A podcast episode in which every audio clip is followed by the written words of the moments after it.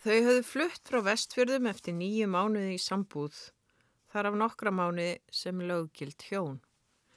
Bæði full viss um að borgarlífi myndi lapp upp á hjónabandið.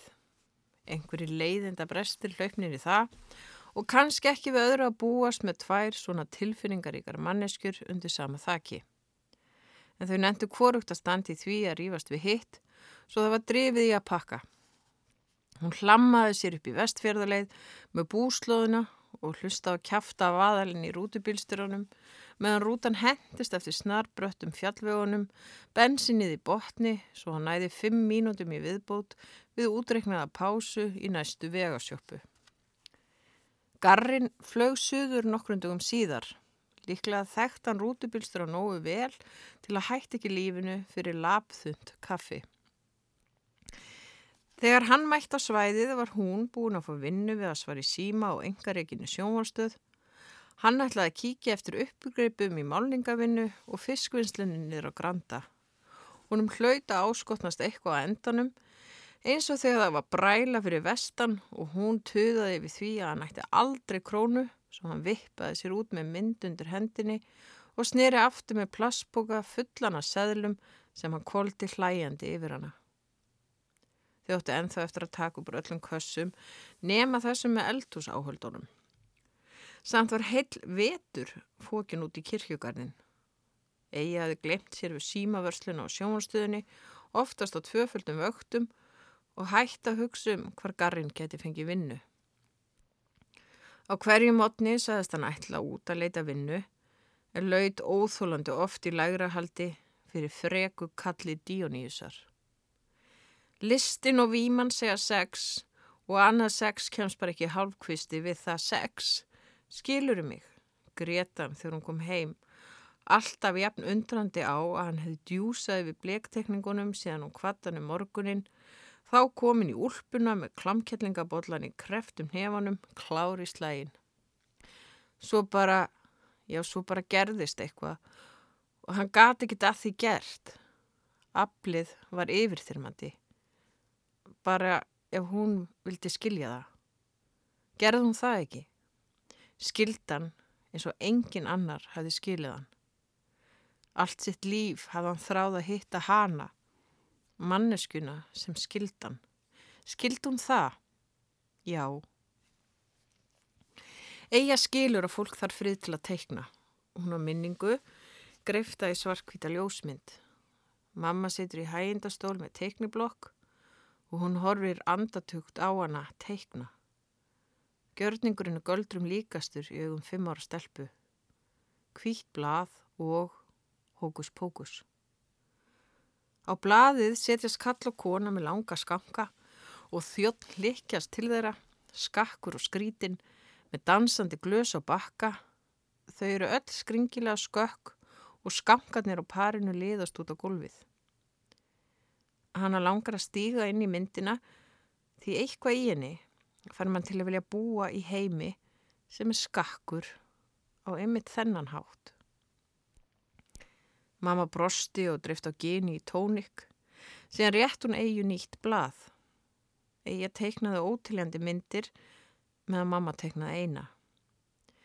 Hún hefði gefið allt fyrir að geta teiknað þessa einu skökku mynd og reyndi það aftur og aftur en mistókst. Kanski hún ætti að byrja að reykja. Mamma kvikti síkarettu og um leiðsteg ljósmyndarinn inn því á myndinni líður reykurinn upp í loftið. Myndin var tekin í húsinu sem þau legði í Englandi um árið meðan pappina lærði allt um skordir og mamma að teikna.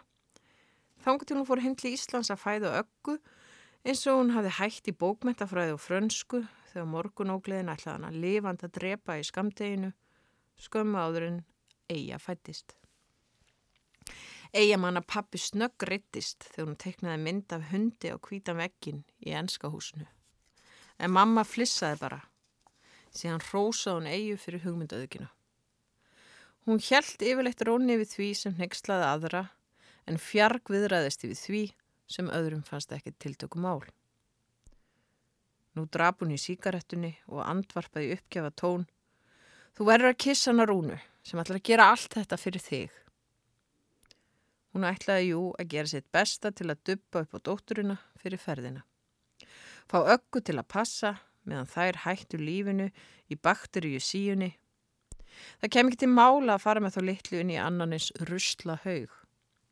Svo myndi hún bara kippa dótturinnar öggu með sér á bakaleðinni og þá er hún flutt aftur heim. Tvær flugur í einu löfléttu höggi. Bara ef eiga leti segjast. Aldrei þessu vant gengdi eiga mömmu sinni. Hún flegði sér upp um hálsin og rúnu og smelti rempingskossi á hold granna kinnina af slíku offorsi að mamma rétt náði að grýpa kvítvinsglasið sem vó salt á borsbrúninni.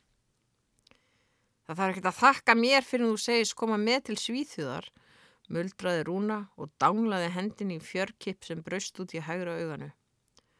Föl af femni, hvern gæðingurinn sem vanalega fráböð sér hvers konar kissir í.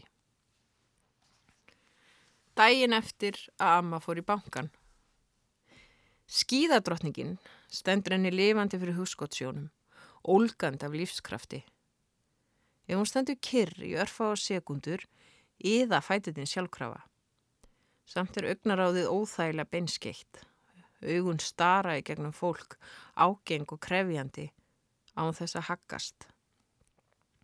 Að óreindu hefði eigi haldið að önnurins týpa fyrirfindist aðeins í skáldsögum hugfangin að því að hafa kynst því líku kjarnakvendi og upp með sér að vera skildvi. Var það ekki móðurætt ömmu? Hún er ekki frá því að sé svipur með þeim. Ammir að mista kosti ákveðin að sjá þarna við símaborðið með nuttskóna og kafi í persnesku móttunni að ráðfæra sig við þjónustu fulltrúa hjá flugleðum. Já, segir amma skurulega, hann að vanta bara að komast til svíþjóðar. Já, ég veit bara, það er einhver staðar þar það er einhver end við Sundsvall. Sundsvall, nú það er lítil borg þarna. Amma þekkir svíþjóðin svo lóan á sér. Hafandi verið þar með annan fótinn árin eftir að Afi fekk fínu bókmyndavelunin. Ömmu og skíðadrottninguna greinir reyndar á um veðufarið. Amma er ekki alls kost að sammála því að þarna sé ekkit nema sólin og blíðan. Hún talar um heimskautavetur og þrumur og eldingar sem kveikja bæði fólki og húsum og ógreina flugum, þannig að morar vist allt í moskit og flugum og geitungum, sérstaklega á svæði sem þessu þögtu skóum og vötnum. Eija hryllir sig. Eitt er að velja skrifa, annað að vera getin lifand af skortirum, eini timpurkoa meðan eldingar sleikja þakkið. Svo að ammena líka tala um vatnasnáka ef hún heyrði rétt. Ekki hljómaði það nú kræsilega að hlaup út í vatnið, ný vöknuð og óþröfu full að skrifa og fara svo bara beinustu leð á spítala með vatnasnáka bit. Skildi það vera eitrað? Og fyrst þetta er svona afskekt, eru þá yfir höfuð nokkru læknar í næsta nákrenni. Er kannski bara best að vera áfram með garranum og hjálp honum að hætta að drekka. Stokkólmur, jú það er alldeles fínt.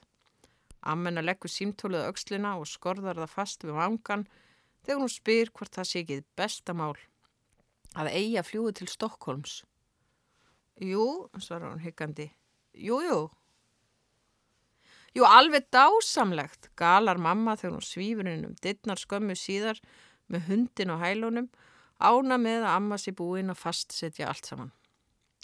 Hún rúna flýgur sjálf til Stokkólms, segir hún, skræk af hugaræsingi. Svo það er um að gera þær verði bara samferða. Er það ekki eiga? Er þetta ekki alveg dásamlegt? Jú. Og við mamma ætlum að kaupa hann þær agalega lekkart gullrótakrem, þess að fæst núna tilbóði hjá henni Helgu í apotekinu, svo verið brún á hjánum. Er það ekki mamma? spyr mamma mömmu sína. Jú, það held ég hún verði fín, trallar síðan nefnd og bætir moskitovörn og sandulum á yngöpalistan. Já, segir mamma óþólumóð. Það þarf líka að kaupa bíkinni svo hún getur sendt í vatninu. Þú ert eftir að vera svo brún og sæt, elskan. Ég veit það nú ekki. Egin nýbra sér saman í hörðum stólnum og fytla við hrjúft munstrið og ullar áklæðinu sem ammenna kift einhver tíman í Kína eða á Eirabakka. Veist ekki hvað? Hvað er amma eftir langa þögn? Bara þetta með að syndi vatnin og fara í solbað, ég ætla eiginlega að skrifa. segir hún og augun leita skjóls í augum hundsins sem starri másand á hana við fætur ömmu. Skrifa hvað, andvarpa mamma, búin að stengleima velirði sínum næði til skrifta og grípitu gælunapsins sem mæður í móðulegganar hafa laungum kallað elstu dóttu sína. Ángan fína imba frans, gerðu það fyrir mig að vera ekki svona þunglind. Þú ætlar að verða brún. Hún ætlar líka að verða mjó, ángan fína imba frans, skýtur amma inn og hætti að reykja og hún sagði það. Ég ætla samt að skrifa, eigi að líti byggjandi ömmu sína. Hugsaði nú bara um eitt í einu, segir mamma og ítrekar að nú ætli eigi að fá fallegan lit á hnjákollana og svo getur hún kannski klára stúdendin. Já, en eigi að þagnar þegar mamma setur í brýtnar, móðguð fyrir hönd þeirra þryggja sem hafa unnið ótröðar að því að skipta hjónabandinu út fyrir utalansreisu. Leifð henn að skrifa ef það er það sem hún vill. Amma byrsti sig elskulega við mömmu sem hekar en getur þó ekki stilt sem að tauta þú hlýtur að geta dratta staðins í sólbað. Já, já, hummar þriðakynslaðin. Já, já, já. Tímamót 2 Bara mánuður, í mestalagi tveir síðan hún satt í vestubæjar íbúðu neðra og horfði á Pamela Andersson á ströndinni. Brúna, þrýstna, brosandi. Þanga til garrin hlammaði sér í hægindastólinn fyrir framann sjónvarpið og spurði hvað djöfulinn hún væri að glápa úr sér heilan á. Strandverði, svaraði hún, svo hann hló sín og gladhlakalega hlátri, glóru laus um að það hlakkaði líka í henni. Nokkrundum áður, meðan hann var í stuttu stoppi á vogi, hafði gömul skólasistir skotið upp kollinum með þá flugu í haustnum að plata eigi með sér á doktorsvördi og konu sem rannsakaði kvennabókmyndir. Minnug stílabókana sem eigi að hripi í melankólískar smásugur. Hjartslátturinn högti þegar hún opnaði dittnar. Þarna stóð skólasistirinn, framandi og kunnulegu í senn andlit fortíðar sem hún hafði ekki leitt hugan að óra lengi. Alveg búin að stengleima hversu stuttu tími hafði liðið síðan hún sjálf var bara venjuleg stelpa í skóla. Blóði flætt upp í hausin. Hvað átt hún að gera?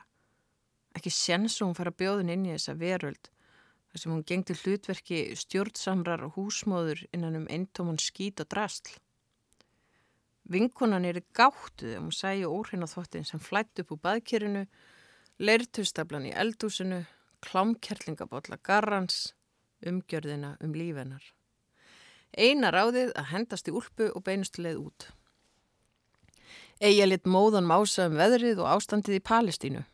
Laungu komin úr æfingu að rappa við aðra en garran og stöku ættingja. Móð og meðvituð um súra lyktin af fötunum sem hún hafi reynt að handtvo í vaskinum með takmörkuðum árangri. Blett óta gallabugsur og vinnu skýrt af garranum. Skeldur kuldaskór. Andlitið nákvíkt af reikmettaðri inniveru. Vinkunan ljómað aftur á móta fristi. Norlensk bondadóttir með smáfrít andlit en sterklegan líkama. Útitekin með netubrúna lokka og snirtilega klætt í eplakarætni rúlugræðapeisu og grái vetrarpilsi úr ítalskru ull að eigin sögn. Hún brosti hlýju brosi meðan eiga bablaði. Beð færis að skjótin orði. Sæðist að vísu verið guðfræði en að sér langaði að heyra bókmyndafræðingin tala því hún hefði heyrt ímislegt forvitnilegt um hana. Maður heyrði nefnilega ímislegt utan að sér þannig í háskóla. Það stigun í háskólabygginguna og eiga reynda láti ekki á því bera að þetta veri fyrsta heimsóknarnar þangað. Hópu hvenna á öllum aldri, örfáðu kallar og nokkur ungi strákar höfðu sapna saman fyrir framann fyrirlestarsalinn. Einhverja mínútur liðu. Eigi held áfram að þusa um Palestínu í vonum að hafa eitthvað til málinn að leggja, anspanni skilningsríku augnar á því vinkonunnar. Brósandi augum sem hórið móðulega á hana. Hún andaði léttar þegar dittna voru opnaðar og hópurinn hlikkjaðist inn eins og löngslanga. Þegar doktorskonan byrjaði að tala, glemdi eiga sér. Bergnumun við að heyra gamalkunnu orð sett í nýtt samhengi.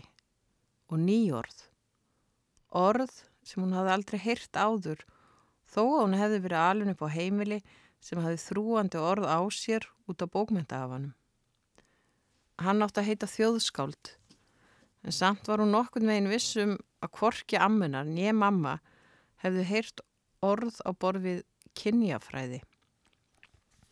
Hún leita vinkonu sína sem horfið einbeitt og fullorna konu með, tja, kallmannlegt augnaráð. En svo hafi notað þetta dula fulla orð, kynjafræði, í spurningu sem hún beindi að doktorskonunni, með glerugum kynjafræðinar, eitthvað á þá leið hafði hún sagt, myndi eigu. En vinkonan kinkaði bara kolli, þræl vöun öllum þessum orðum og sammála báðum konunum, þeirri sem spurði og þeirri sem svaraði, þó að þær væru ósamála hvort annari. Svo var doktorskonan allt í hennu fann að tala um Pamela Andersson. Eija leitt snögt af vinkonuna sem hló látt af djúpum skilningi á tvíraðininni í orðum doktorskonunnar. Í næstu orðum skrældi doktorskonan tvíraðinina utan af orðunum þángar til brandarinn var smám saman afhjúpaður. Heia skelli hló, svo gáttuð á býrafni doktorskonunar að hún glemdi orðum hennar jafnóðum. Mundi bara að það sem hún sagði var fyndið. Svo fyndið allt háskólafólkið veltist um í gálegum hládri. Bókmentabrandari. Aldrei þenni dottið huga nefna Pamela Andersson í sömu andrá og bókmentir. Garri nætti bara vita og hún var að horfa strandverði með augum doktors í kvennabókmentum en ekki prinsana í betningaskúrnum. En hann vissi það ekki, svo hann helt áfram að hlæja að því hvað hún væri heimsk að horfa strandverði. Hún vissi ekki fyrr til en hún var líka farin að hlæja. Hann þagnaði og horfið fyrður lostin á hana, sem hló og hló. Þetta vorið lærði hún tvunni orð, kynjafræði og gullrótakrem. Stundum hugsaði hún um fyrirlesturinn ein með síkaretunni þegar enginn sá til. Fór samt ekki til dýra þegar vinkonan mætti aftur nokkrundugum setna. Vinkonan erði bara að halda að eiga væri flutt. Stelpan sem hún hafi kynst í skólanum var hvort sem er ekki lengur til. Eftiralda Íbúðin í bænum er ólík íbúðinni fyrir vestan. Venjuleg vestubæjar íbúð í risi, lág til lofts með gamlum glukkum. En þegar eigi á horfiðri við gamla kirkjugarðin verður henni stundum hugsað til stofuglukkans fyrir vestan. Skítugur úðan var römmuðin í nýlega glukkakarma sem viss út á sjónum. Þaðan grillt í endamörkans eða öllu heldur upphaf. Gravardýpið sem gleifti sjómennin á eirinni þegar þeir réruti fiskjar í gráum dumbungi fyrir meirinn hundra árum. Eða skein sólinn. Hún vissi það ekki. En gamla fólki í þorpunum vissi allt um veðrið. Gamla fólki lifði með náttúrinni og saði sögur af ógnakröftum hennar til að forða þeim frá gleimsku. Það þekkti hamfarir. Egi hafði valla leitt hugan að náttúrhamfurum fyrir hún kom í þorpið tveimu vikum eftir flóðið og sá rústinnar. Laskaða steinveggi sem stungust upp úr gráum snjó. Þarna höfðu verið heimili.